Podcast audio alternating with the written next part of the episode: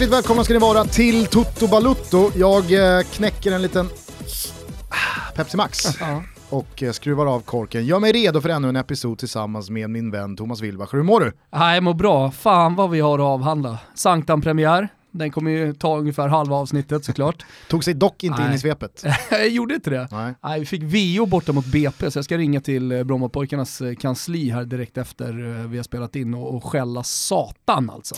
Inte heller tog sig division 5-matchen mellan Vasastans BK och eh, HTFF in i svepet, men jag sitter faktiskt och tänker lite på kontrasterna eh, när det kommer till eh, tugget med domaren från mm. den här matchen och SM-finalen i hockey, som jag inte följer speciellt slaviskt, men jag gillar ju Dick Axelsson. det är ju inte svensk elitidrotts sista rockstjärna. Ja, otroligt. Det är, det är en sån här råtalang mm. som bara, han bara latchar och är bättre än, vad jag har förstått, jag kan ju inte hockey, Nej. men typ 99,9% av alla svenska hockeyspelare.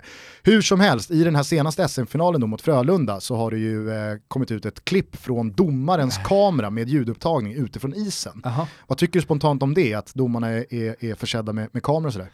Ja, men, eh, har det något? Ja, I hockey tror jag faktiskt att det har något. Vi pratade väl om Sen det i fjol va, när Brad Goosan var det va, den mm. gamla Aston Villa-målvakten testade i MLS att spela med kamera. Ja men det vart ju fiasko. Ja. Som jag förstår det vart det fiasko i alla fall. Däremot, alltså, så, du får en inblick det skulle funka i någon slags dokumentärserie, eller som du säger här, i, i, ett test, men jag tror inte att fotbollen har plats riktigt för det.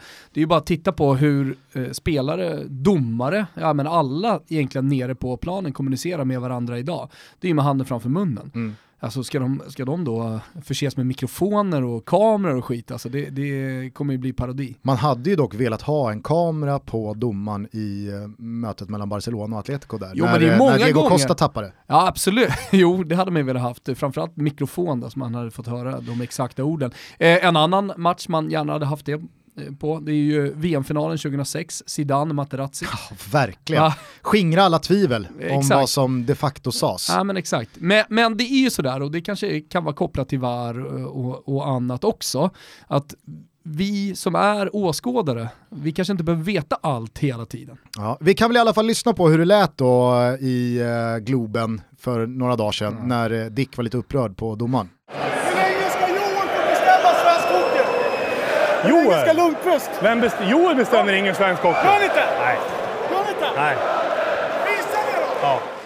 ja, men jag tycker att det, det, är sån, det är sån otroligt bra nivå. ja. Han stämmer ju verkligen i bäcken och jag tycker att han är han är uppumpad av adrenalin mm. här och det är ju mitt i matchen och Djurgården går väl lite trögt just i det här skedet av matchen, de vänder väl och vann sen. Mm. Men att då vara så liksom spot on när det kommer till frekvens och lite underfundigt med att så här, ja men visa det då. Ja. Om du nu säger att Joel Lundqvist inte dikterar villkoren för svensk hockey. Visa det Visa då. det då. Jag tyckte det var, det var liksom så här, bjussigt av dem att skicka ut de bilderna också, för att det antar jag ändå ska väl clearas eh, av domarna. Så här, kan, kan vi skicka ut det här? Mm. Eh, så det var väldigt roligt. Men så var jag då igår kväll på Stadshagens IP och tittade på en division 5-match. Min brorsa har börjat spela igen i HTFF. Gamla, gamla HTFF som skulle bli någon slags eh, ja, men talangbank va, till Hammarby. Ja, en gång i tiden. Precis, för tio år sedan där när HTFF blomstrade så var det ju väldigt nyttigt för Bayern att ha HTFF, för då spelade de i division 2. Ja, men vad har du för spelarexempel där då? Nej men José Monteiro mm. Harris Leitinen tror jag fick spela men det, det är ju lite som så här, ja men Real Madrid och Barcelona har sina andra lag då, som ändå spelar på hyfsat hög nivå så att spelarna ändå får eh, ja, bra sparring. Precis, och det är väl eh, dit Bayern vill igen med det här projektet. Jaha, men det är de nytt är, alltså. Ja, alltså HTFF låg ju nere i många år. Eh, men nu har de startat upp det igen. Vad fan gör Isak där då tänker jag? Ja, men han, är ju, han är ju tränare för damlaget och så behövde de lite spelare. Eh, så att nu i division 5 så är det väl mest att här, få igång laget och sen om kanske 3-4 år så kan man börja klättra upp i Men har de målsättning då att klättra redan den här säsongen? Nej, eller? Det, det, det, det är inte känslan. Hur ser det ut på planen? Det ser upp och ner ut okay. kan jag säga. okay. Tom Åhlund är ju tränare, ja. det gillar man ju. Ja.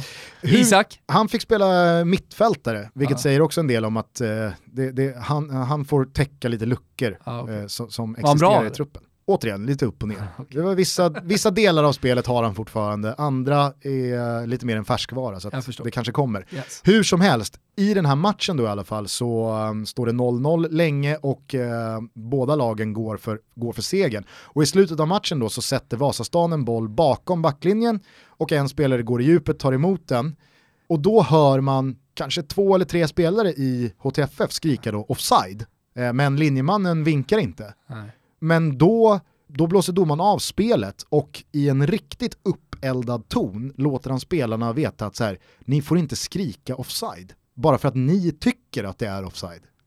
då känner jag bara, va?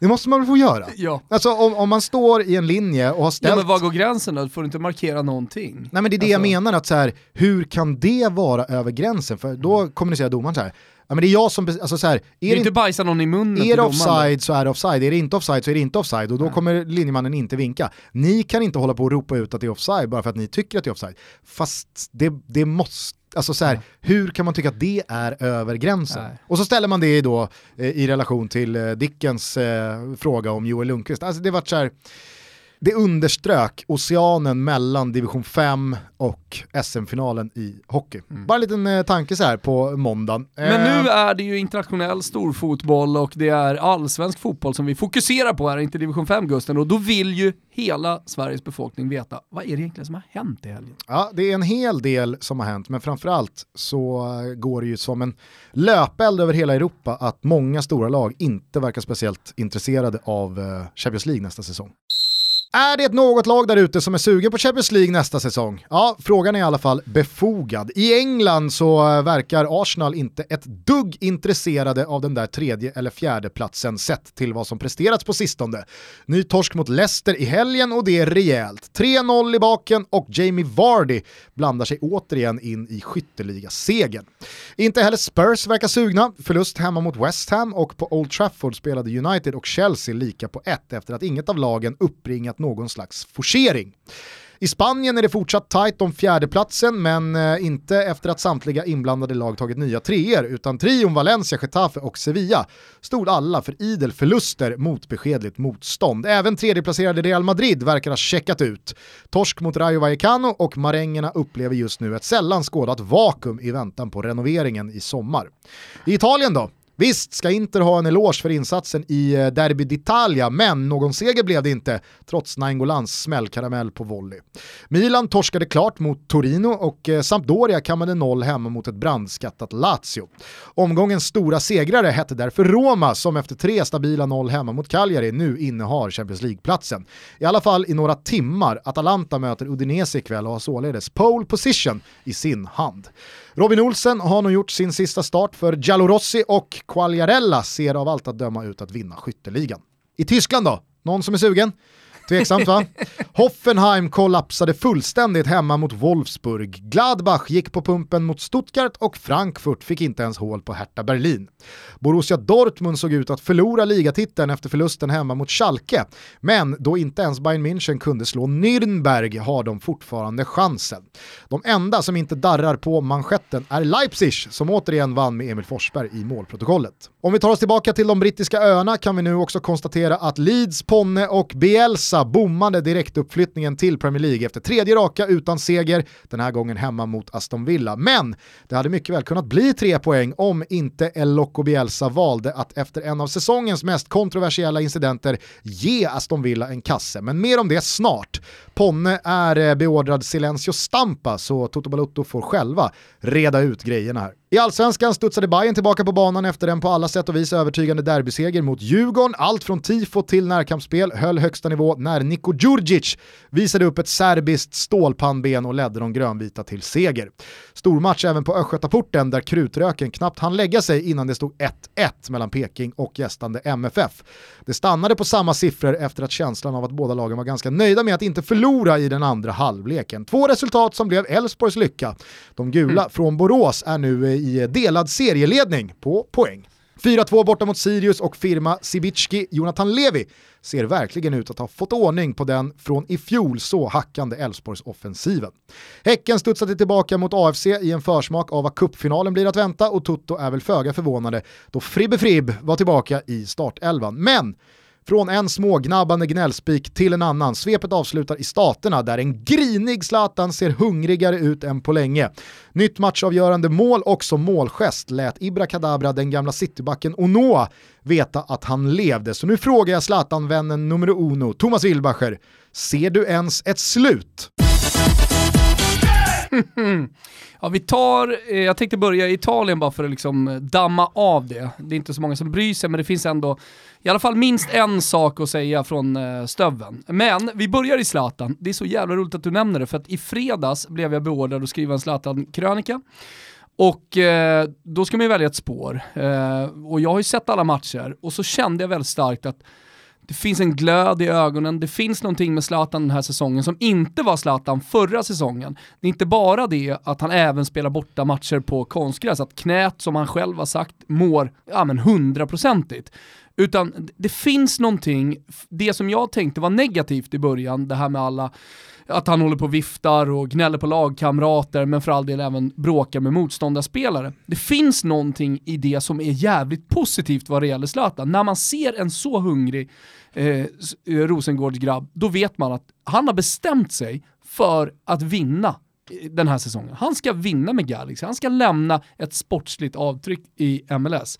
Och det är ofta liksom, när Zlatan har bestämt sig för någonting som det faktiskt också blir så. Mm. Så att eh, det är jävligt, ni som inte ställer klockan, ni som inte är med på det här, eh, testa i alla fall, ibland kommer ju en kvällsmatch, typ 21.30 lördag, söndag. Alltså ratta in på Strive då, köp ett abonnemang för 79 kronor i månaden eller testa i alla fall en vecka för att få se. För det, Men Zlatan det, det, spelar ju dessutom svenska kommentatorer. Ja, precis. Svanen ja, eller Kviborg. Ja, exakt. Så Svanen är ju fan jävligt bra. Igår så inledde han, för det var lite så här, nu ska, nu ska jag inte bara sitta och uppa svanen, men, men första tio minuterna så är det ganska lågt tempo och då passar han på att dra lite background, story, background stories kring några av de stora profilerna i laget. Vilket var rätt skönt att få så ah just det, det var där han var, det var det han har gjort i karriären. Mm. Men skitsamma, Zlatan har bestämt sig och, och det ser man det låter ju då inte som att du står i Onoas ringhörna här i efterspelet efter matchen. För att han eh, var ju väldigt tydlig med vad han tyckte om Zlatans beteende då, ja. inte minst då efter 2-1 målet. För att de som inte har sett det, så Zlatan gör ett bra mål och eh, av bilderna att döma så verkar ju de då munhuggts och tjafsat lite och eh, haft några dueller sinsemellan i, under matchen. Och när Zlatan då gör 2-1 med 10 minuter kvar ish, så väljer han att då inte fira utan han ställer sig en centimeter från Onoa och smädar honom mm. verbalt. Efter matchen då så berättar Onoa att äh, men han hotade mig, att han, skulle, han sa att han ville skada mig. Förmodligen så har ju Zlatan hotat honom till livet. eh, det är ju magkänslan i alla fall. Eh, och Onoa var väldigt tydlig med då att han försökte be om ursäkt här nu i omklädningsrummet efteråt, men jag tänker inte godta den. Eh, om han säger att han är ansiktet utåt för MLS så är det ett bedrövligt och det är pinsamt och vad är det här för signal att skicka vad ansiktet utåt och vårt största affischnamn är. Det här är för jävligt. Mm. Alltså så här, Men så här, jag, jag, känner inte att jag behöver ställa mig någon ringhörna, att, att, att Zlatan brinner på planen. Det, det är bara, alltså, för mig så är det ett tecken på att han är tillbaka och att han verkligen vill någonting. Sen så rent moraliskt så, så tycker jag ju såklart också det är fel om det är nu så att han har hotat honom. Men... Ja, fast jag vet inte om jag tycker det, det, för att jag kan också känna lite så här att Onoa han, han, han gör sig själv lite, han förminskar inte bara sig själv utan han pratar också för MLS räkning som att då kommer ni aldrig nå dit ni vill. MLS vill ju tävla med Europa, MLS vill ju nå en global status av att det här är en riktigt tävlande liga. ska man då få det liga. Genom, genom muck och jidder på planen och att någon hotar någon? Nej men inte muck och jidder, men man måste ju förstå att det är en konsekvens av att det spelar roll. Det här är viktigt. Det här ah, okay. får ju Zlatan och de spelarna som har upplevt en karriär i Europa, där varje säsong, varje match och varje buckla är liksom, den, den dör man för, den går man genom eld för att nå. Om man nu vill uppnå den nivån även i USA i en ligalunksmatch eller vad man ska så säga. behövs det här. Då blir det ett nödvändigt okay. ont. Det, jag vet inte. Ja, så men vi, vi kommer jag. väl tillbaka till det här med gentlemanna eh, agerande i fotboll i och med Bjälsa och så vidare. Zlatan har väl aldrig varit gentlemannen in, inom fotbollen utan eh, snarare tvärtom. Eh, eh, men, men, men det är ett muck på en fotbollsplan och eh, ingen slog någon, eh, inget liksom inget allvarligt skedde, då kan jag tycka att det kan få bara passera. Ja, exakt. Och, och jag tycker att Zlatan sa väl det ganska bra själv efteråt, att och, och, det vet ju vi, alltså svenskar inte mm. minst, som har följt honom hela hans karriär, att han är ju ofta som bäst när han är lite uppretad, lite förbannad, lite kniven mot strupen och folk har börjat prata om att han är slut eller han har inte levererat och mm. han kanske kommer tillbaka till en arena eller mot ett lag som eh, har supportrar som inte gillar honom och det buas extra när han har bollen. Så då brukar, det, det är då han tänder till. Yeah, what, what was up with you and Onoaho?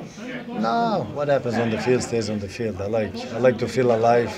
I like when it becomes duels and that. Because sometimes I, not that I fall in sleep, but I don't feel alive if I don't, if they don't activate me. They need to activate me also because rest becomes too easy. Är det någonting man kanske inte har sett speciellt mycket av i just MLS, just hans det. framfart där, så är det ju den stämningen, mm. eller de eh, matcherna där det har varit uppretat. Eh, så det är inte konstigt att Zlatan förenar det här Nej med ett matchavgörande mål. Nej, Nej verkligen inte. Sen så, som, som jag sa innan här också, så, alltså mitt fokus ligger ju snarare på att det är så jävla kul att se Zlatan på den här nivån och vara så här fokuserad igen.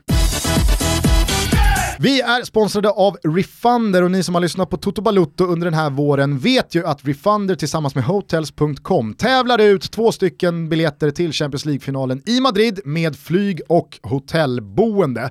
För att vara med och tävla och ha chansen på att vinna detta så går man in på refunder.se totobalutto och sätter sig in i tävlingen bättre. Men kort bara Tompa, Refunder är en jäkla bra grej oavsett ja. om man vinner eller inte. Nej men det är ju så över tusen butiker anslutna till Refunders tjänst och det handlar om att få cash tillbaka. Så ni köper precis samma varor på precis samma nätvaruhus då, eh, som ni annars gör, men ni gör det via Refunder och får då pengar tillbaka. Det, det, det är också en no-brainer. Det är bara att gå in på refunder.se slash totobalutto, regga er och så är ni dessutom som Gusten säger med och tävlar om eh, dunderpriset, Champions League-finalen. Stort tack till Refunder för att ni är med och möjliggör Toto Balutto.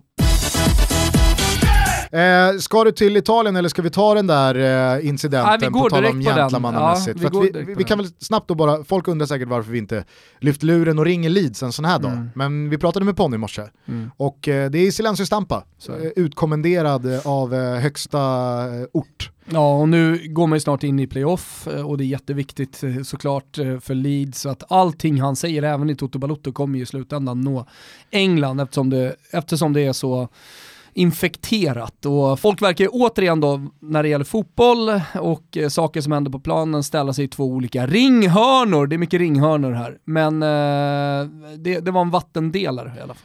Ja, eh, för de som inte har sett situationen så tycker jag att man ska sätta sig in i den. Det är ju en, det är en sån här delikat situation som man kanske inte har upplevt förut eller som man har gått och väntat på ska ske. Alltså det som händer är att eh, domaren väljer att inte blåsa av efter en 50-50 duell mellan en Leeds och Aston Villa-spelare där Aston Villa-spelaren eh, ligger kvar och har ont. Vem vet om han har ont på riktigt eller om han väljer att eh, eh liksom, simulera. simulera för att bromsa en Leeds-kontring. Domaren blåser i alla fall inte av och som alla vet så är det så att domaren ska blåsa av i huvudskador annars så är det helt upp till motståndarna vad de ska göra med bollen. Och det här går ju då att sätta system, ska man då spela ut bollen?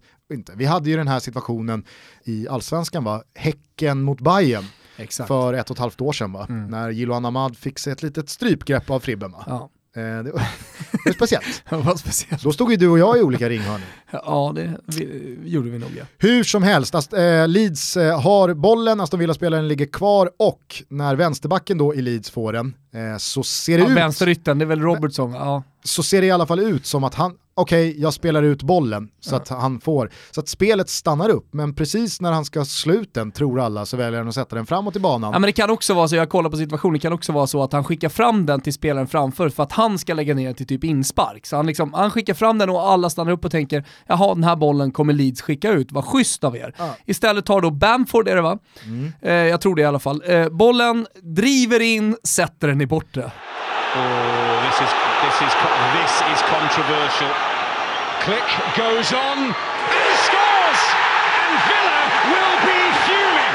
Han viker in och sätter den i bortre och då, då, ska man säga att han får ju inte bollen fyra meter från mållinjen och bara rullar in den Nej. utan Villabacken går ju också på. Det är en ganska lång aktion ja, ja. och situation och backlinjen ser ju oorganiserad ut från början när de tror att bollen ska spelas ut. Mittfältet så... stannar upp, eh, de kanske hade kunnat bryta den bollen, jag vet inte. Men det, är, det, är, det delikata här, det som är skillnad på till exempel den situationen eh, som Hamad var inblandad i, det är ju att det ser i alla fall ut som att han fintar att uh, lägga ut bollen, eller som att han stannar spelet. Inte Exakt. lägga ut det, men, men, att han liksom stannar upp själv. Uh, och så blir det en perfekt assist. Så det, det, det, det, får man ändå ha med sig, för det finns ju uh, alltid liksom, grader i gentlemannaskap. Målet... Jag, tycker, jag tycker i grunden ja. att man ska eh, fortsätta spela tills domaren blåser. Ja. Eh, det, det, jag menar speciellt när det har kommit en ny regel där alla är överens om att det är så det ligger till. Men, men det funkar inte så på alla planer heller. Jag såg, jag såg till exempel i Torino-Milan igår eh, två gånger där bollen sparkas ut eh, när någon är skadad. Så att, jag menar så här, det där lever ju fortfarande på något konstigt sätt, men bara ibland. Målet görs i alla fall och så fort eh, bollen landar i maskerna så bryter ju helvetet löst. Mm. Det, det, det, kan vi Delas i alla fall konstatera. det blir klungor av spelare som tjafsar. Det här sker också med knappt 20 minuter kvar och det ska man komma ihåg att Leeds har när den här matchen spelats mer eller mindre missat direktuppflyttningen i och med att Sheffield United har vunnit sin match och förutsättningarna är väldigt, väldigt eh, kämpiga för att nå en direktplats. Men det går i alla fall teoretiskt. Ja, ja. Aston Villa och sin sida, ja, de ligger ju på en playoffplats, kan inte nå direktuppflyttning men har fortfarande tillräckligt få poäng neråt i eh, tabellen för att inte vara helt säkra på playoff. Så det är ju ett väldigt viktigt mål ja. som görs för Aston Villa-laget inte minst. Eh, men det, ja, det slutar i alla fall då med rött kort för El Gazzi, men det. Eh, det, det, alltså så här, vill domaren så går det ju att hitta fyra röda kort ja, det, i, i de där klungorna. Det är en eh, riktig fight. Det som sen i alla fall då eh, händer, Eh, nu ser jag också, det var inte Bamford som gjorde målet utan det var Klitsch. Ah, eh, framspelad eh, av Bamford har gjort några. Ja, det är, det är Roberts här som, som fintar att spela ut bollen. Just. Hur som helst då, det som sen sker är ju det som jag i alla fall inte har upplevt. Har du? När då Bielsa, jo, eh, Bielsa beordrar Leeds-spelarna att ge Aston Villa ett mål. Mm. Så att avsparken sker och då får Aston Villa promenera igenom hela Leeds-laget, förutom Ponne som är den enda som gör någon slags ansats i att förhindra det här målet. Så att El Mohammadi och eh, Adoma, de får bara knalla rakt igenom planhalvan och slå in 1-1 i öppet mål. Now Leeds are going to allow Villa to stroll through and score. Jansen clearly hadn't got the message. But Adoma goes through to score jäkligt speciella scener. Ja, väldigt speciella scener och eh, Pontus Jansson, han har ju faktiskt eh, kommenterat det här, jag vet inte om du har sett det. Men, men, det finns en kommentar här. I'm a, I'm a defender, I want to have a clean sheet. I mean, I work, work hard for 90 minutes to keep a clean sheet and they're telling me to let them score an open goal. That's, for me, that's, that's hard. Här måste man ju förstå Ponne också, som han säger. Jag, jag har kämpat i 90 minuter för att hålla nollan. Och det är ju Ponnes jobb att hålla nollor och, och, han sätter säkert prestige i att laget håller nollor eh, i och med att han spelar i en sån utsatt position i försvaret, eller hur? Så man måste ju förstå honom också, att ge bort ett mål, det är inte så enkelt. Sen kan ju Leo Jägerskiöld Nilsson sitta och skriva vad fan han vill på Twitter. Men är du uppumpad med adrenalin på planen så, så och, och ja, inte håller med där och då, då måste man ju ändå haja honom. Liksom. Emil Ek mejlade oss igår kväll Aha. och han förstod eh, inte Ponne. Han skrev så här. I nästa avsnitt så ringer ni upp Pontus Jansson och berättar för den där lilla skiten hur man uppträder på en fotbollsplan. Oj! Fy fan, där sjönk Ponne i mina ögon har fan gått bananas för att han ska spela istället för Granen i landslaget. Men fan, hädan efter är det Granen all the fucking ja, way. Lugn nu, alltså. lugn nu, lugn. Den där lilla skiten gillar vi att han ja, jo, Fortsätt alltså, mejla oss på totobalutto.gmail.com. Ja. Eh, nej men jag vet men... inte, jag vet inte om, om den här teorin har lanserats. Jag har i alla fall inte sett den innan. Men du jag, har en egen teori? Jag har en egen teori. Oj. Eh, jag tycker att Bielsa är smart här för att han utgår från de rådande förutsättningarna, alltså att Sheffield United har vunnit och att Leeds chans på direktuppflyttning är helt borta. Så då är det ju bättre att rädda sitt eget ansikte, sitt eget anseende och faktiskt komma ur den här dråpliga incidenten mm. som någon slags gentleman och ha heden i behåll. Jag är helt övertygad om att hade Sheffield United torskat tidigare under omgången eller att resultaten de senaste två omgångarna mm. hade fallit annorlunda, vilket hade inneburit att det här ledningsmålet för Leeds hade inneburit en direktplats och så, således haft avancemanget i egna händer inte en chans Nej. att han hade beordrat att ge dem 1-1. Han är smart han är cynisk. Det hade inte varit en sportmössa Gustav. Inte en sportmössa att Bielsa, någon annan spelare i Leeds eller ja, allra minst Ponne hade då liksom börjat tumma på att ah, men okej, det här var, det var lite moraliskt tveksamt så att eh, vi ger dem 1-1. Mm. Här, är, här, här är ju Bielsa smart, han vet att direktplatsen är körd. Sheffield United har vunnit och vi kan inte ta igen åtta plusmål eller vad fan det är eh, på sista matchen. Så att, eh, då är det lika bra att försöka ta sig ur den här situationen levande. Ja, och, och inte bli grillad i media och hatad av ett, hel, ett helt fotbollsland. För man vet ju att i England så är det här ännu värre än kanske i något annat land, eller hur? Exakt. Alltså då, blir, då, då, då kommer man få alla emot sig i ett playoff. Och det hade ju smutsat ned deras mm. avancemang mm. för all framtid. Alltså, jag är helt övertygad om att hade Leeds tagit sig upp till Premier League mm. på det här sättet i näst sista omgången, då hade borta eh, supportrarna hela nästa säsong i Premier League buat åt Leeds. Alltså alla hade liksom så här avskytt Leeds, det hade varit eh, smutsiga ja. Leeds för att de hade löst avancemanget på det här sättet. Nu ger de sig själva chansen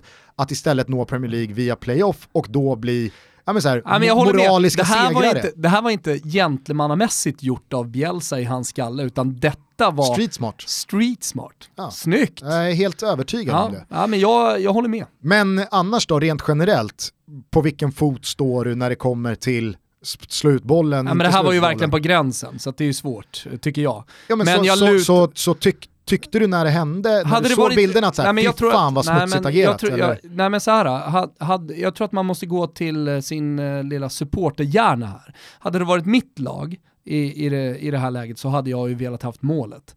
Men som du säger, i och med att uh, den här matchen inte hade, och förmodligen inte hade så stor betydelse, uh, så hade jag ju nog hyllat Bjälsa om jag hade varit Leeds-supporter. Är du med?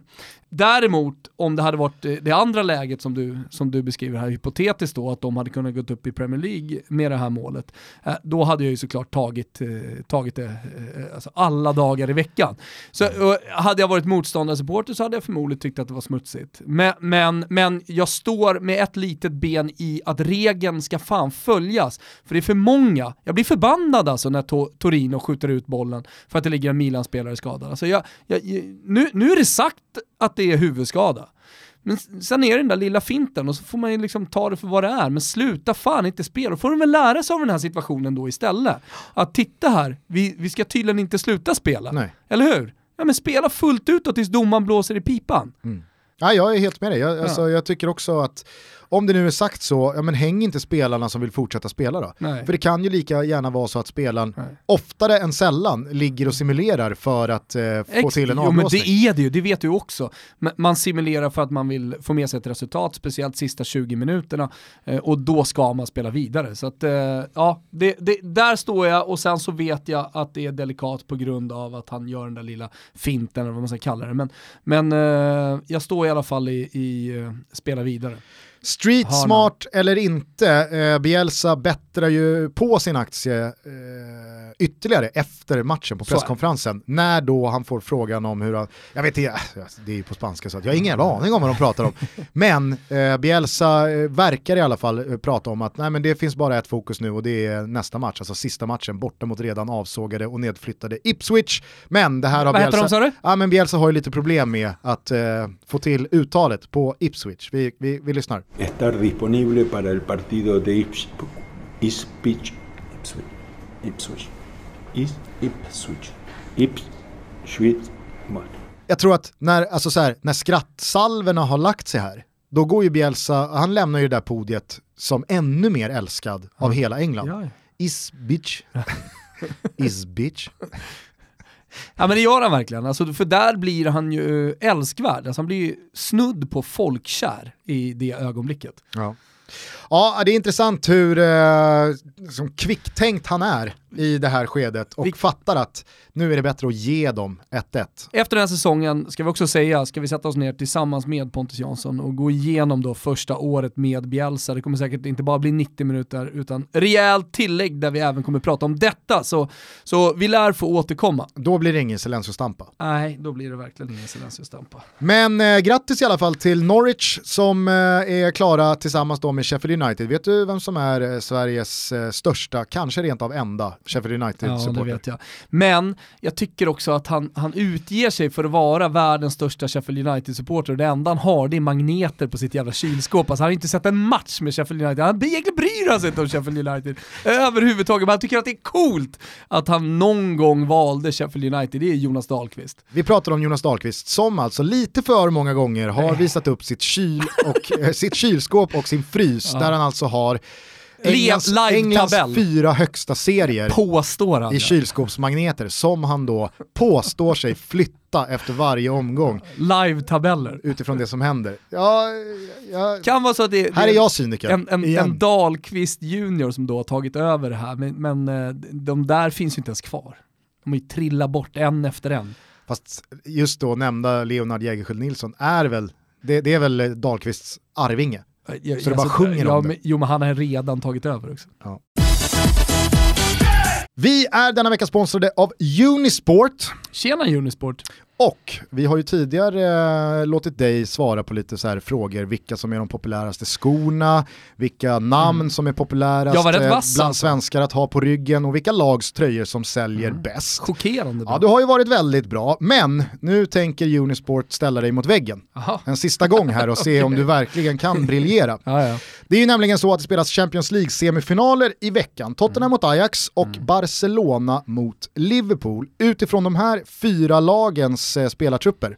Vilka tror du är eh, de eh, elva mest populära spelarna att eh, klicka hem sin tröja av? Ja, det är enkelt. Messi där. Messi är med. Eh, Harry Kane är med. Kane är med. F frågan om inte Son har dykt upp på topp 10. Son är inte med. Nej okej. Okay. Eh, men, men då går vi tillbaka till Barcelona så är ju också givetvis Suarez med. Suarez är inte med. Inte? Nej, men, eh, jag, jag brasklappar att du kanske eventuellt har rätt i de 11 totalt mest populära namnen, men Unisport har valt att ställa upp eh, det i ett 3-4-3-lag. Så att det är tre anfallare, du har rätt på Messi och Kane. Ja, Messi och Kane såklart. Eh, är det Juris då som kanske är mest populär? Eh, i målet. Ja. Eh, nej, det är faktiskt Ter Stegen. Det är Ter Stegen ändå. Mm. Ja, men Barcelona är så ohyggligt populära runt om. Jag tänkte Premier League där. Mm. Trebackslinjen då? Här är det faktiskt eh, Piqué. förvånande. Ingen Piqué. Ingen Piqué dyker upp, men han är lite, han är lite neutral. Det finns ju en spelare som har tagit Liverpool-fansen med storm. Jo, ja, men van Dijk är där såklart. Alltså, man hoppas ju, alltså, hoppas att Trent är med. Att han har sålt Satan, men jag tror ju inte att han har gjort det. Utan eh, då, då är det ju, fan om inte Robertson dyker upp där. Det är Robertson. Nej det är det alltså! Ni era sjuka jävlar, köp hem Trenty! Sista backen är Jan Fertongen. Jan Fertongen. Ja, Han är men poppis, Stålmannen och så vidare. Mittfältet då, fyra mm, namn. Då ska du få fyra namn. Då säger jag eh, utan tvekan så har Frenkie de Jong, i och med att han går till Barcelona, liksom dykt upp som en eh, favoritgubbe bland eh, fansen. Kanske nästa säsong. Aha. Från Barca finns Rakitic och Artur ja. representerade. Ja, ja, Artur, han dykt upp där. Ja, Bars I Brasilien och... Ja. Har man Artur på ryggen så signalerar man ju också att jag har koll. Ja, jag har koll. Ja, sen är det två Tottenham-spelare. Ja, och sen är det två Tottenham-spelare, då är det ju såklart Christian Eriksen. Ja. Och så är det Dele Alli. Det är helt rätt. Och så har du då en anfallare kvar. Och det här kan du inte ha fel på. Nej, eh, och jag sa ju Harry Kane. Mm. Och så eh, sa du Messi. Och så sa jag Messi. Och Suarez inte med. Ja, det var en 4-3-3. Eh, och då är den sista, nu ska vi säga Ajax, Tottenham, eh, Liverpool och Eh, ja, i Liverpool såklart, det är det ju Salah. Ja, det ja. är klart att det är Mohamed Salah. Hörni, eh, vill ni ha eh, de här spelarnas tröjor med namn på, eller någon annan, ni kanske har era egna personliga favoriter och det behöver ju inte vara i de här fyra lagen heller, utan Unisport inhyser ju garderoben över hela fotbollseuropa. Så ta chansen här nu med koden TUTTO så får man 10% rabatt på sitt köp och den här gäller april ut. Så att tick-tack, klockan tickar. Så är det. Tack till Unisport för att ni är med och möjliggör Tutto Balutto. Stort tack! Ska vi säga någonting om eh, toppen även i Premier League? Jag utelämnade ju eh, City och Liverpools respektive segrar. Eh, Liverpool gjorde ju processen kort med Huddersfield, vad tog det? 13 sekunder innan det stod 1-0 i fredags och sen så igår på Turf Moor var det ju bara en tidsfråga innan City skulle göra det där målet. De gjorde det, de vann i och för sig knappt bara med 1-0 men det räcker ju. Jo men man, man, kan, ju man, man kan diskutera huruvida det är 3 cm som kommer göra att uh, det är City som vinner titeln eller inte men, men jag tror inte vi hade fått den matchbilden som sedan blev efter 1-0 målet om det hade stått 0-0 vidare.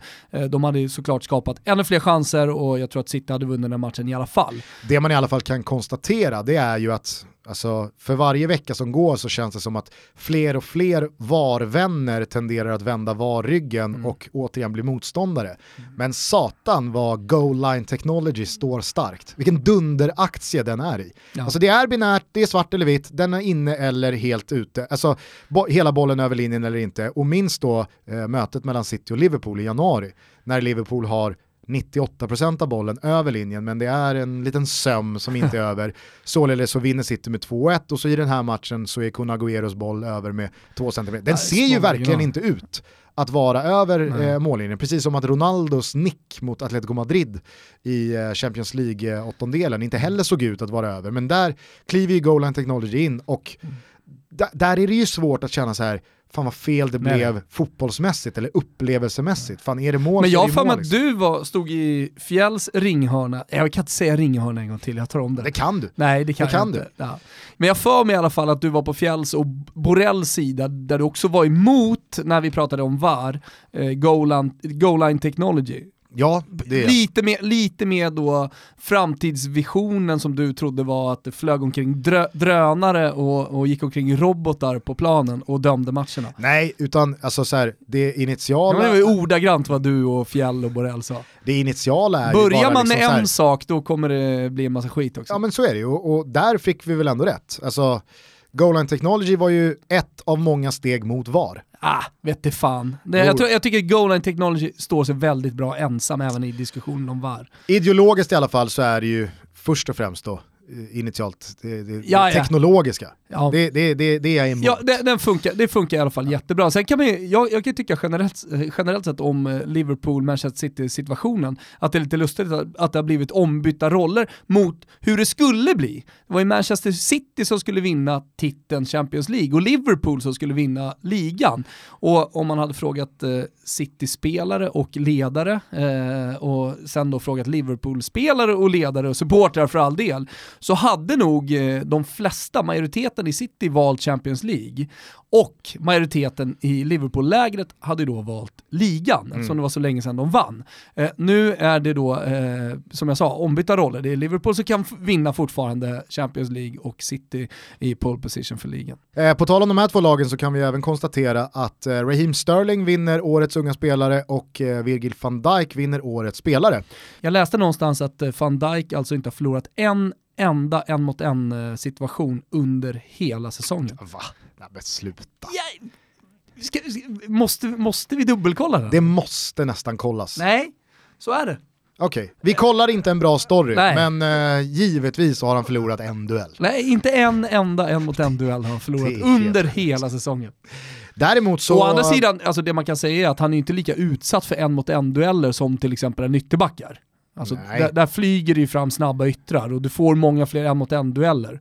Men som mittback så är du ju betydligt mer exponerad mot höjddueller. Ja. Och där, alltså, han, ska inte, han ska inte ha förlorat en enda höjdduell. Alltså en mot en situationer kan vara en mot en situationer på backen också, det är jag inte helt säker på. Men, men släng med huvuddueller också, han har inte förlorat en enda jävla duell under Det kanske är inte en enda duell som har varit på backen på hemmamatcher som har spelats under fredagar. Så kan det vara också. På tal om låtsasrekord. Ja. En liten blinkning till alla er som har varit med länge, länge i uh, Toto Baluttos historia.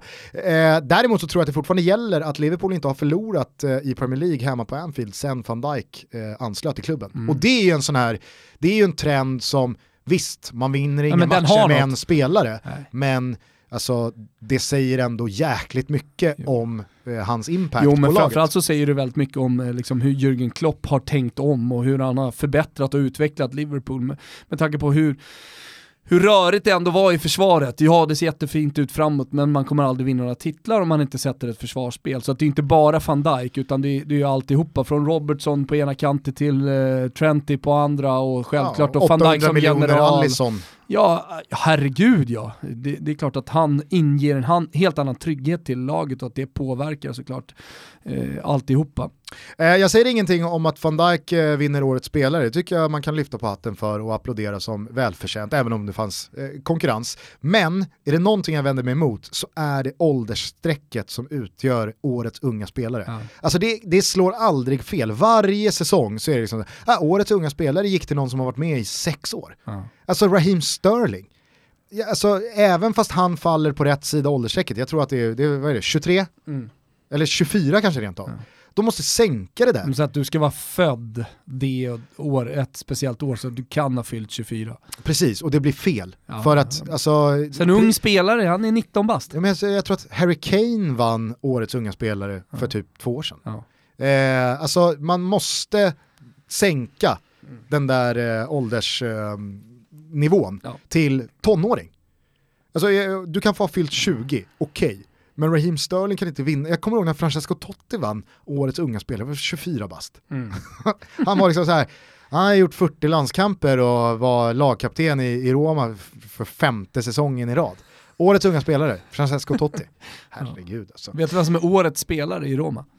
Eh, Stefan El Sharawi. Ja, precis. Han är ju lite, liksom, lite, lite bortglömd. Jo, man har, han har gjort flest han... Eh, mål av alla tror jag. Ja, han är förbi Dzeko nu. Ja, och dessutom tycker jag han har burit Roma på något konstigt sätt också. Och i alla motgångar nej, så har han... Inte. Jo, men Ingen alla, spelare har burit Roma. Nej, okej då, men, men, men om man måste sätta någon så tycker jag att det är han som har varit den spelare som har gjort mest skillnad. Och det, det kom oväntat för mig i alla fall. Mm. Ja, jag håller fortfarande Daniele De Rossi som den spelare som oh. både bär Roma och som gör störst skillnad oh. på Roma när han väl spelar. Men han har ju haft en motig säsong med, med skador och sådär. Så, oh. eh, det säger väl ganska mycket om Romas säsong att Stefan El Sharawi är årets spelare. Men... Eh, jag, jag, jag stack, stack ut hakan gjorde jag väl kanske inte, jag stack ut ett lite näshår med att säga att Robin Olsen har gjort sin sista match. Det, ja, men det har vi det, konstaterat det, för länge sedan. Ja, för länge sedan har vi konstaterat det. När, när eh, Mirante blev första målvakt, eh, då hade Robin Olsen, om det inte så att det hade blivit någon skada på Mirante, alltså eh, satt sin sista potatis eh, nere i, i Lazio-regionen. Jag tror att Mirante har väl eh,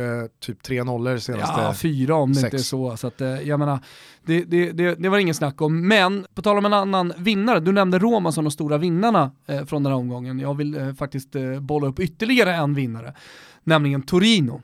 Som alltså vinner mot Milan och nu är med i jakten om den sista Champions League-platsen. De är många där. Eh, Roma är ett av lagen, eh, Atalanta har hängmatch, spelar ikväll, är absolut ett av lagen, Milan ett, eh, jag vet inte om man kan Också blanda in, eh, jag tror det, eh, Inter där, men jag tror att de kommer klara det ganska enkelt. Men, men, Lazio såklart. Lazio såklart också som vann i helgen och som har ryckt upp sig något oerhört här på slutet. Eh. Sampdoria får man väl ändå vinka Nej, adjö. de, får du vinka adjö, de är borta. Men det är så jävla häftigt för att Torino har vi inte pratat om. Vi har pratat om Sampdoria, inte bara på grund av att Albin Ekdal är där, utan mycket på grund av också Quagliarella som har gjort en fantastisk säsong och de, de har varit med uppe länge, men Torino har, smugit ba har smugit bakom. Och inför den här matchen så är det så jävla häftigt hur en hel stad sluter upp. Det händer någon gång ibland, kan, i, i vissa fall någon gång per säsong, i vissa fall kan det ta tre säsonger innan det händer, när, när man verkligen, verkligen fattar då i staden att det är den här matchen vi ska vinna. Det här är finalen. Vinner vi den här, då kan vi göra någonting historiskt.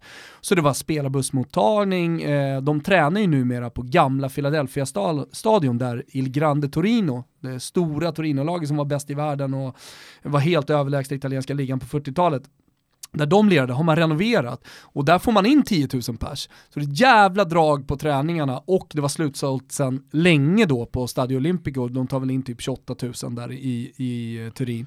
Så, så att, du vet, så här, man bara kände det bubbla, hela inför match, eh, matchstudion var liksom ah, men det handlade väldigt mycket om det där att Torino, nu ska de göra det. Och så gör de det! Allihopa tillsammans, med alla på läktarna. Det, det, det är ett enormt krig på planen. Alltså där, där alla verkligen gör allt.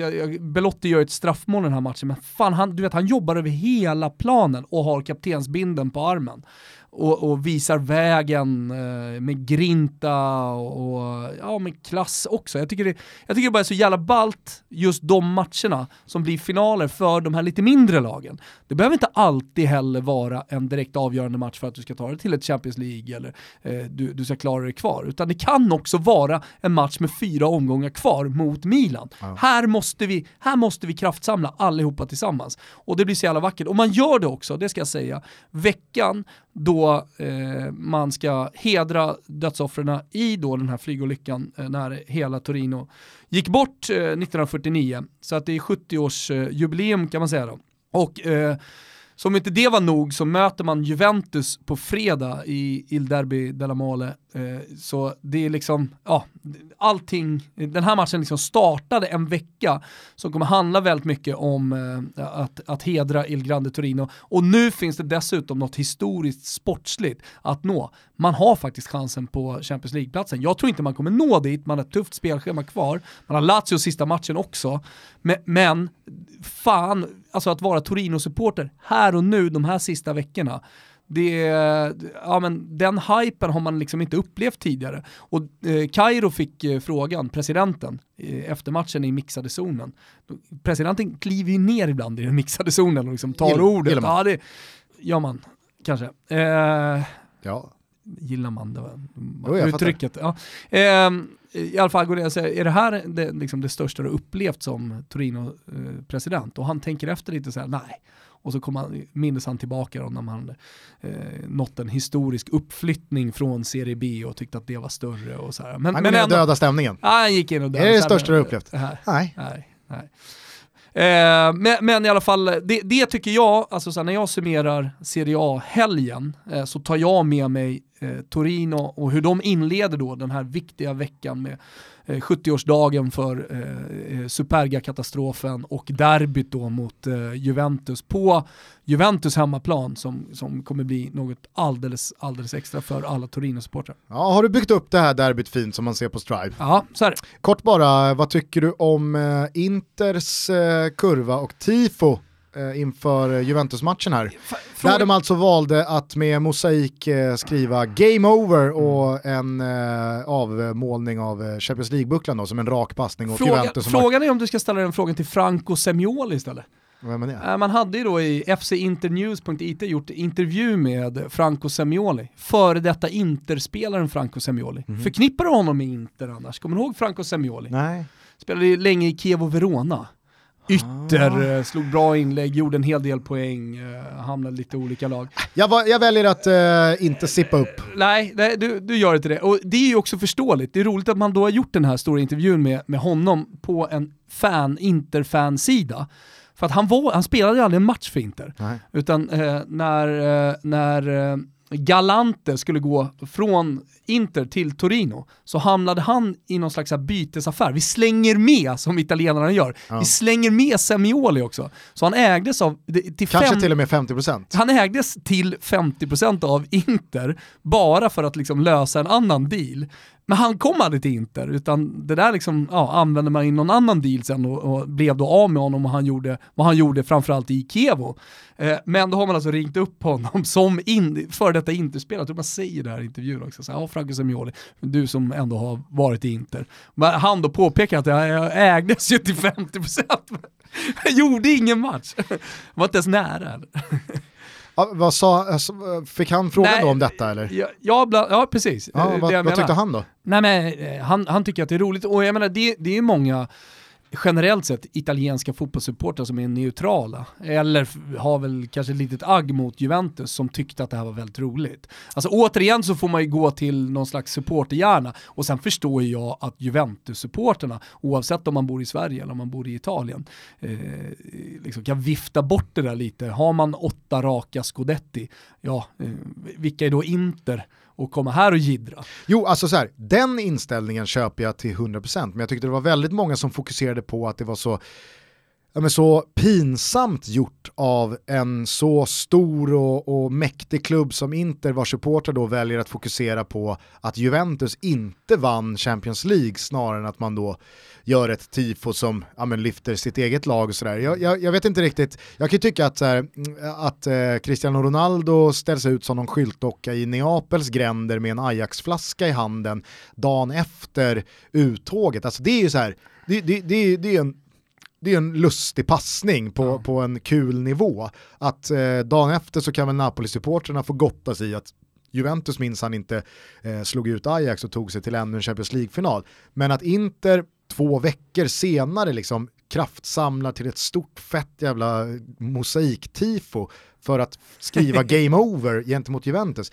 Jag, vet inte, jag, jag, tyck, jag, jag, tyckte också att det var lite så här, ah, lite, lite beige gjort. Ja. Eller? Ja, jo, ja, jo, kanske jag kan tycka. Alltså, jag hade, jag hade känt annorlunda tror jag ifall det hade varit, ja men som du är inne på, Torino, eller om det hade varit eh, Fiorentina, eller alltså så här, inte en klubb på, alltså på Inters storleksnivå. Nej, precis som ännu inte har chans att vinna eh, precis. En, en, en titel. Att då tar man chansen att rub it in their face. Ja.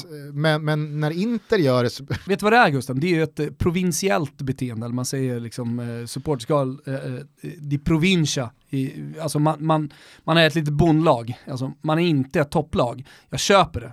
Alltså här agerar ju Inter provinsiellt. Exakt, de agerar, de agerar inte, små, storklubbs, ja, inte storklubbsmässigt. Nej. Men från ett tifo till ett annat då. Satan vad jag tycker vi ska ge en schnitzel till Hammarbys eh, derbytifo. Ja. Eh, både ambitionen, utförandet och eh, ja, men nyskapandet. Mm. Att inte bara göra en, inte bara två, utan till och med tre fullskaliga koreografier. Nu är vi där igen att Hammarbys, eh, eller generellt sett alla tifogrupper har ju för mycket pengar. Ja, de, de, har så jävla mycket deg ja, ja. fan i Bajens hinkar. Hyra in 4000 nordkoreaner som, som står med arken. Nej, men jag tycker att det, alltså, det där tifot slog ju an, som jag nämnde i svepet, en derbyinsats som var riktigt imponerande efter ja, den rejäla käftsmäll man åkte på mot Malmö tidigare under veckan. Att resa sig kraftsamla, sälja ut Tele2 och köra över serieledande Djurgården i derbyt så totalt som man gjorde hatten av alltså. Ja. Och schnitzel till eh, tifo-gruppen. Ja, för jag menar så här, Djurgården står ju också för tifo, det är härlig inramning, det är rök på Tele2 eh, och sen så blickar man då till höger där och ser, ser vad Hammarby-supportrarna gör så, så blir ju det då återigen ett körsbär på den här derbytårtan va Gusten. Sen tycker jag att det var ett jävla fint derby, det smällde mycket, det var mycket eh, ja, småjidder, det, det, var tuffa närkamper och, och, en hel del bra spel också, framförallt då från Hammarby. Så, och Hammarby behövde ju kraftsamla inför den här matchen, alltså, de behövde ju stå för en större prestation i och med att det gått lite trögare, i och med den stora smällen man åkte på eh, mot Malmö. Hade man förlorat den här matchen, ja då hade det nog, liksom, ja, med tanke på vad Hammarby har blivit som klubb och hur supportrarna agerar idag jämfört med vad man gjort tidigare, eh, lite krisstämpel ändå på inledningen av säsongen. Ja, ja, men nu är det ju snarare tvärtom. För att jag menar, det är ju bara i allsvenskan inget lag tar mer än 11 poäng på de första sex omgångarna. Så ja. 11 av 18 poäng. Ja, vad, sa jag, vad sa jag när vi inledde den här säsongen, när vi blickade mot den här allsvenskan? Ja, vad sa det, finns ingen så, det finns inte så stor kvalitetsskillnad i allsvenskan. Det är inte så jävla stor skillnad på högerbacken i Malmö och högerbacken i Bayern. Nej. Alltså, det, det, det, det, är ingen, det är ingen som kan köpa sig till den skillnaden. Alltså, det. Blev i alla fall en kostsam eh, utrustning från Tommy Vaiho eh, i matchen mot Norrköping eh, när han då släckte lagkapten och mittback Marcus Danielsson som inte kom till spel i den här matchen. Inget ont om Jakob Une Larsson i sig, men det syntes ju verkligen att Djurgården saknade 50% av det där mittbacksparet som har sett så stabilt ut. Ja. återigen då lagkapten och han är ju skicklig både på fasta situationer offensivt, bra fötter och har ju hittat någonting tillsammans med, med Erik Berg. Eh, det kändes ju som att ja, men Djurgården var, det, det, var rörigt och Kim Bergstrand valde ju att starta med Augustinsson som någon vänsterforward. Gjorde väl typ ingenting på den halvlek han fick. Vittry var tillbaka efter några matchers skadeuppehåll och såg inte heller speciellt matchtajmad ut och, och, och van vid situationerna tyckte Astrid såg ganska seg och, men, och han ville ju mycket vet, men vet, han... Vet, vet vad jag tycker sticker ut negativt uh, för Djurgårdens del och som jag tycker också sticker ut negativt för till exempel Manchester United den här helgen. Egentligen alla lag som hade ganska mycket att spela för men som hamnar i lite underläge eller som hamnar i en period av matchen eh, där man förväntar sig någonting, till exempel efter en eh, halvtidsvila, eh, det är att det inte kommer någon reaktion. Alltså jag hade förväntat mig en större reaktion från Djurgården, jag hade förväntat mig en större press, jag hade förväntat mig en större reaktion också från Manchester United när de går ut i andra halvleken. Jag hade förväntat mig ett brandtal kanske som får spelarna att tugga fradga. Vi, vi, vi pratade här tidigare om liksom hur Torino tog sig an matchen med en hel stad bakom sig, eller en halv i alla fall, med en hel rödvit stad, stad bakom sig. Alltså så viktigt borde det ha varit för, för de här två lagen också, men man får inte till reaktionen. Vad är det då, vad är, vad är det då som liksom gör att det inte funkar? Vad är det som gör att, att eh, Djurgården inte reagerar och, och, kommer tillbaka in i matchen och skapar mer chanser. Det, det, det, är det man får analysera så här i efterhand, jag vet inte, men, men eh, jag tycker att det är märkligt. Mm. Eh, det jag tycker också är märkligt på tal om allsvenskan och Hammarby här, det är att eh, om vi ska lita på disco mer eller mindre klart att Bayern kommer göra sin största försäljning någonsin när de nu skickar iväg Odilon till sommaren mm. till antingen då en belgisk klubb, det var väl Genk eller Gent, man vet aldrig vilken av dem mm. det man läser om, eller då en Serie A-klubb som inte är namngiven. Mm. Eh, där är ja, klart att Odilon lämnar för 30 millar. Ja, det kan nog mycket möjligt vara Spall. Nej, men alltså så här, det jag menar är märkligt är ju att det återigen understryks att klubbarna runt om i Europa de kan ju inte gå på speciellt mycket av hur spelarna faktiskt har sett ut i, i de matcher man har spelat senaste tiden, utan man snarare går på ja, men fysiska attribut, eh, åldern, eh, potentialen eh, och, och, saker som inte har visats upp i, i matcherna. För att mycket går ju att säga om Odilon och inte minst hans potential, men har man sett matcherna han har spelat i Hammarby under den här våren så är det ju inte så att någon kanske har känt att ja, det, det, här blir ju Bayerns största försäljning redan nu. Nej, nej verkligen inte. Alltså, snarare så har man ju förväntat sig att det kanske att man kommer ha en spelare som man kan förlita sig till och, och, njuta av då och så kommer det vara en säkerhet eh, under många matcher, kanske ett par säsonger. Så. Men, men det här är väl second best då, att man får in en jävla massa pengar. Eller så är det det bästa. Ja, men det, är helt, det är helt sjukt att man kan få 30 millar för en spelare man hellre har på bänken och spela mittback Solheim. Ja snarare än att liksom så här, det här är äh, Daniel Amartey som var nyckelkugge i Djurgården. Ja, eller... Det är någon slags potential som finns där och, och, och som värderas så, så högt. Ja. ja, men alltså så här, Alexander Isak skeppades ju inte iväg för eh, summan han eh, gick för, för att man spelade Eh, Absolut. Eh, vad, vad, vad, vad, ska vi ta för exempel? jag försöker bara sätta in mig i då, dåtidens Mar AIK. Var det Göran Marklund? Göran Marklund. Nej men alltså så här, det var inte så att Alexander Isak satt på bänken och sen så fick eh, Daniel Sundgren vikariera Nej. som forward Nej. och ändå så gick Alexander Isak för en, en toppsumma eh, eh, några månader senare. Men det är ju det fallet vi ser det här nu. Mats ja. Solheim har ju de facto spelat mittback före Odilon ja. och ändå så skeppas han iväg för 30 millar eh, någon månad senare. Ah, ja. Det är mycket man inte förstår i logiken. Åt andra hållet så verkar Marcus Berg gå. Ja, det kom uppgifter idag. Det var i Studio Allsvenskan, våra polare där borta eh, som eh, var först ut med att Marcus Bergs kontrakt går ut, det har ju alla känt till, men att han då väljer IFK Göteborg av allt att döma. Och då har vi då eh, tremananfallet med Vibe, Marcus Berg och Benjamin Nygren. Medvind. Ja, jävla Styva medvind. segel på Kamratgården just nu. Ja men det här kommer ju också få Sebastian Eriksson att, att spela bättre fotboll än vad kanske någonsin har gjort om man får vara skadefri. Och det, det, här, det här skapar ju ett go i hela IFK Göteborg som man inte hade förväntat sig den här säsongen. Och, och, Nej men och sen, alltså så här, Lasse Vibe all ära, men han har ju inte varit en del av den här 86-generationen som har snackat om att vi ska sammanstråla igen i IFK Göteborg i slutet av våra karriärer. Nu blir ju Marcus Berg den om det nu blir så, det får vi väl se, det, det, det, det vet vi ju i sommar. Men skulle han göra det, mm. ja men då är det väl klart att det, kommer ju hällas vatten på Oskar Wendt-kvarnen. Mm. Vad händer egentligen med Pontus Wernbloom jo, efter det här ytterligare ju, en säsong i Panathinaikos? Det här kan ju få dem att vilja komma hem, hela fikaligan. Gustav Svensson kanske börjar tröttna på de där eh, långa resorna över USA och, mm. och, och, och kuska runt där. Ja. Det kanske faktiskt blir så att nej men vad fan vi kör i Blåvitt. Mm. Så att, eh... nej, men det är som, det är som eh, bara Blåvitt-poddande Patrik eh, skriver, eh, för tre månader sedan pratades det om superettan, nu riktas Berg hem, Viba landat, Sebban är hemma och som grädde på moset har en 17-åring gjort succé, leder poängligan och skattas av större klubbar i Europa. Det svänger fort. Mm. Här har det svängt fort. Tänk om de slår Gnaget ikväll. Ja, då, då är, är de i toppen. Fullständig mm Det är, som, det är som jag sagt hela tiden, de kommer komma topp 6. Nu har jag ändrat det till topp 5 till och med. ja, spännande. Snart ska jag ändra till topp 3. Snart ska IFK Göteborg vinna allsvenskan, enligt mig. Vi får se. Ja, det, är, det är stora, stora ord, ja. får en säga. Eh, har du någon gulasch i och med att eh, Bayerns tifogrupp fick schnitzeln? Jag har en gulasch Gusten. Ja? Det är ingen så jättestor gulasch, men det är, det är trots allt en, en gulasch. Jag vet inte om du har hört det, att eh, Manchester City de planerar alltså på att skapa atmosfär på sina matcher i, i till exempel Champions League. Där man inte får fullt eh, hus kanske i alla matcher. Eh, och så vill man ändå ha den här härliga fotbollsatmosfären. Du har inte hört det här? Man har alltså testat då, om, om, jag har förstått det här rätt, nej nej nej. Man har alltså testat då att, eh, att spela upp atmosfär, alltså läktaratmosfärljud genom eh, eh PA-systemet på Etihad Stadium. Så att eh, liksom under matchen, man, man, man, man, har om jag har förstått det hela rätt i alla fall provat detta.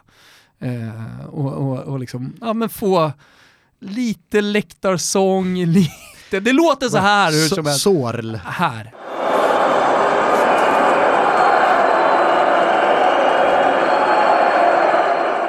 Ja, du hör ju själv. Ja. Ja. ja det... Det, det, det, måste ju få sig en liten gulasch. Va? Det är Absolut. inte hela världen, men, men eh, eftersom Manchester City står längst fram i, den, i det moderna fotbollsledet så, så är de värda en och annan gulasch då och då. Men visst, eh, visst var det klappor på Old Trafford här nu till Chelsea-matchen? Ja. Tyckte jag mig se alltså, flimra förbi. Jag, jag skiter lite i klapper, vet du det? Och alla så? säger hockey och hit. Ja, jag skiter lite i det faktiskt.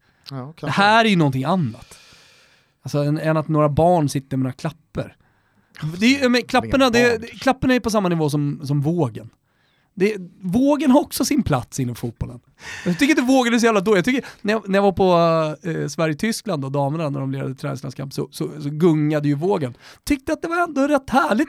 Alltså jag är med det här. I vissa alltså, tillfällen så har ju vågen något. Alltså den har ju verkligen någonting. Och lite puls. Det, det, det, är rätt Snart cool. är det dags. Och så Snart sitter man och kollar på andra sidan och så kommer en kortsida där och så kommer långsidan och så vet man pressläktaren sitter där. Är de med ser man också några. Anel Avdic ställer sig på pressläktaren, är med i vågen blir man ju glad.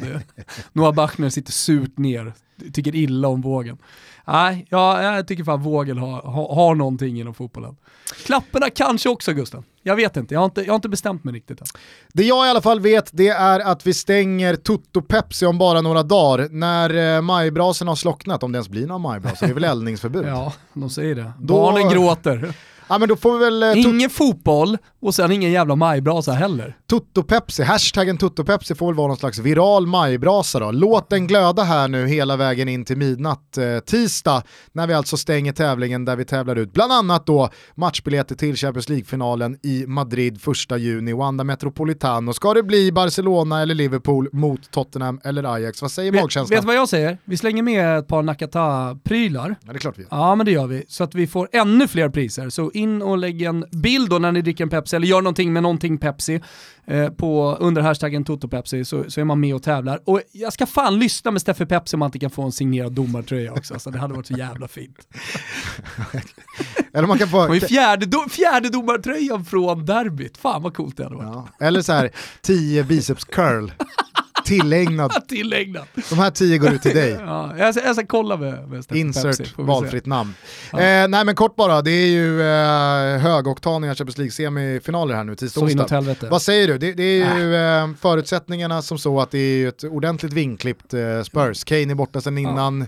Son är avstängd. Ja, de ser trötta ut. Usel ligaform. Ja. Och så kommer Ajax då med sex raka. Ligan Dilat. ställde hela alltså, omgången. Alltså, Ja, fantastiskt. Eh, ja, nej, det, det går inte annat än att tro att Ajax kommer vinna den matchen och sen så, så som de har spelat har de också blivit Europas lag, så alla kommer sitta och hålla på dem. Mm. Uh, och det är lätt att ryckas med där, jag har också ryckts med lite. Uh, och sen så i och med att Niva och, och banken och halva media-Sverige håller på Spurs så är man ju lite emot dem. Sorry alla supportrar som lyssnar på den här podden, men ja, så är det. Barca-Liverpool då?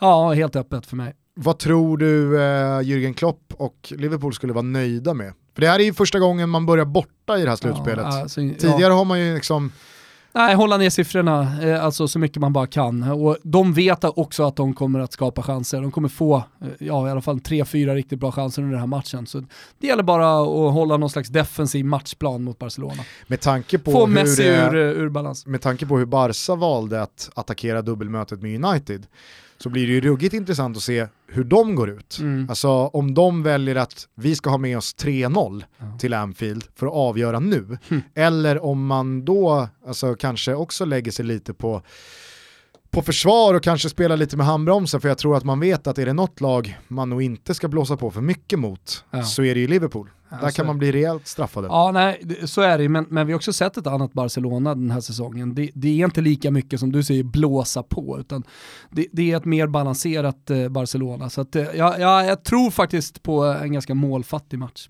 Vi får se vilka som eh, vinner i de här första semifinalerna. Vi får också se vem som vinner Toto-quizet. Eh, Limpan borta på Betsson, han sitter och eh, ja, men, gnuggar eh, geniknölarna för fullt för att få fram en eh, segrare som inte då har använt sig av eh, bluff och båg.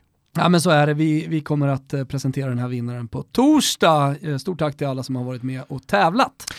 Missa inte heller eh, finade boostade odds på de här Champions League-semifinalerna finns ju på Betsson.com som vi är så glada är med oss och möjliggör denna podcast. Så är det. Nu tycker jag Gusten, i och med att det är Superga 70 år vecka, att vi går ut på den fantastiska sången Quel giorno di pioggia som alltså hyllar Il Grande Torino. Världens bästa fotbollslag genom tiderna om man får tro Christian Borell. Och självklart många andra också. Vi skickar samtidigt som vi lyssnar på den här låten en tanke till eh, alla som eh, fanns runt Robin en stor eh, Toto-lyssnare och eh, som eh, uppskattade väldigt mycket det vi gjorde, eh, som tragiskt gick bort eh, här i vintras. vi tänker på dig Robin och på alla dina nära och kära när vi lyssnar på Quel Giorno di Pioggia. Vi hörs snart igen. Ciao tutti. Ciao tutti. Quel giorno di pioggia bambino lo sai, il cuore mio pezzi non scorderà mai viso una ruga che prima non c'era, lo sguardo nel vuoto, quel vuoto che sai, quel giorno di pioggia ti dissi com'è, la vita ti vive senza un perché, la vita che scorre pian piano, lontana da me. Quel giorno di pioggia tu forse ricordi qual è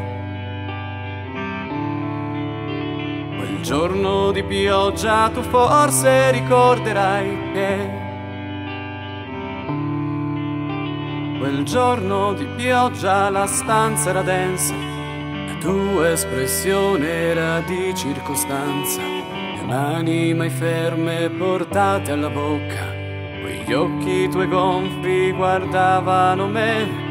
Io risi, poi piansi, fai un po' come vuoi pioggia batteva sul viso tra noi, batteva sul nostro dolore, più vivo che mai. Quel giorno di pioggia tu forse lo ricorderai. Quel giorno di pioggia tu forse non lo scorderai. Quel giorno di pioggia non pioverà più, col tempo si cambia e cambierai tu. Si cambia con forza o forse non so, si cambia per forza ma non scorderò quel giorno di pioggia lo schianto nel cielo che spense in un lampo il grande Torino, quel lampo che porta il ricordo per chi non c'è più. Giorno di pioggia io spero non torni mai più. Quel giorno di pioggia io credo non tornerà più.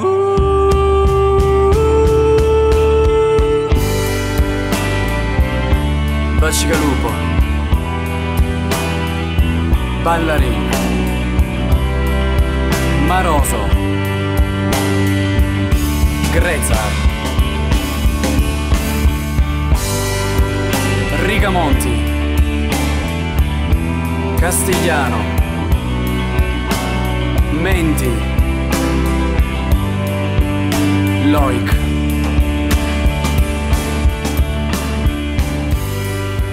Gabetto, Mazzola, Ossola.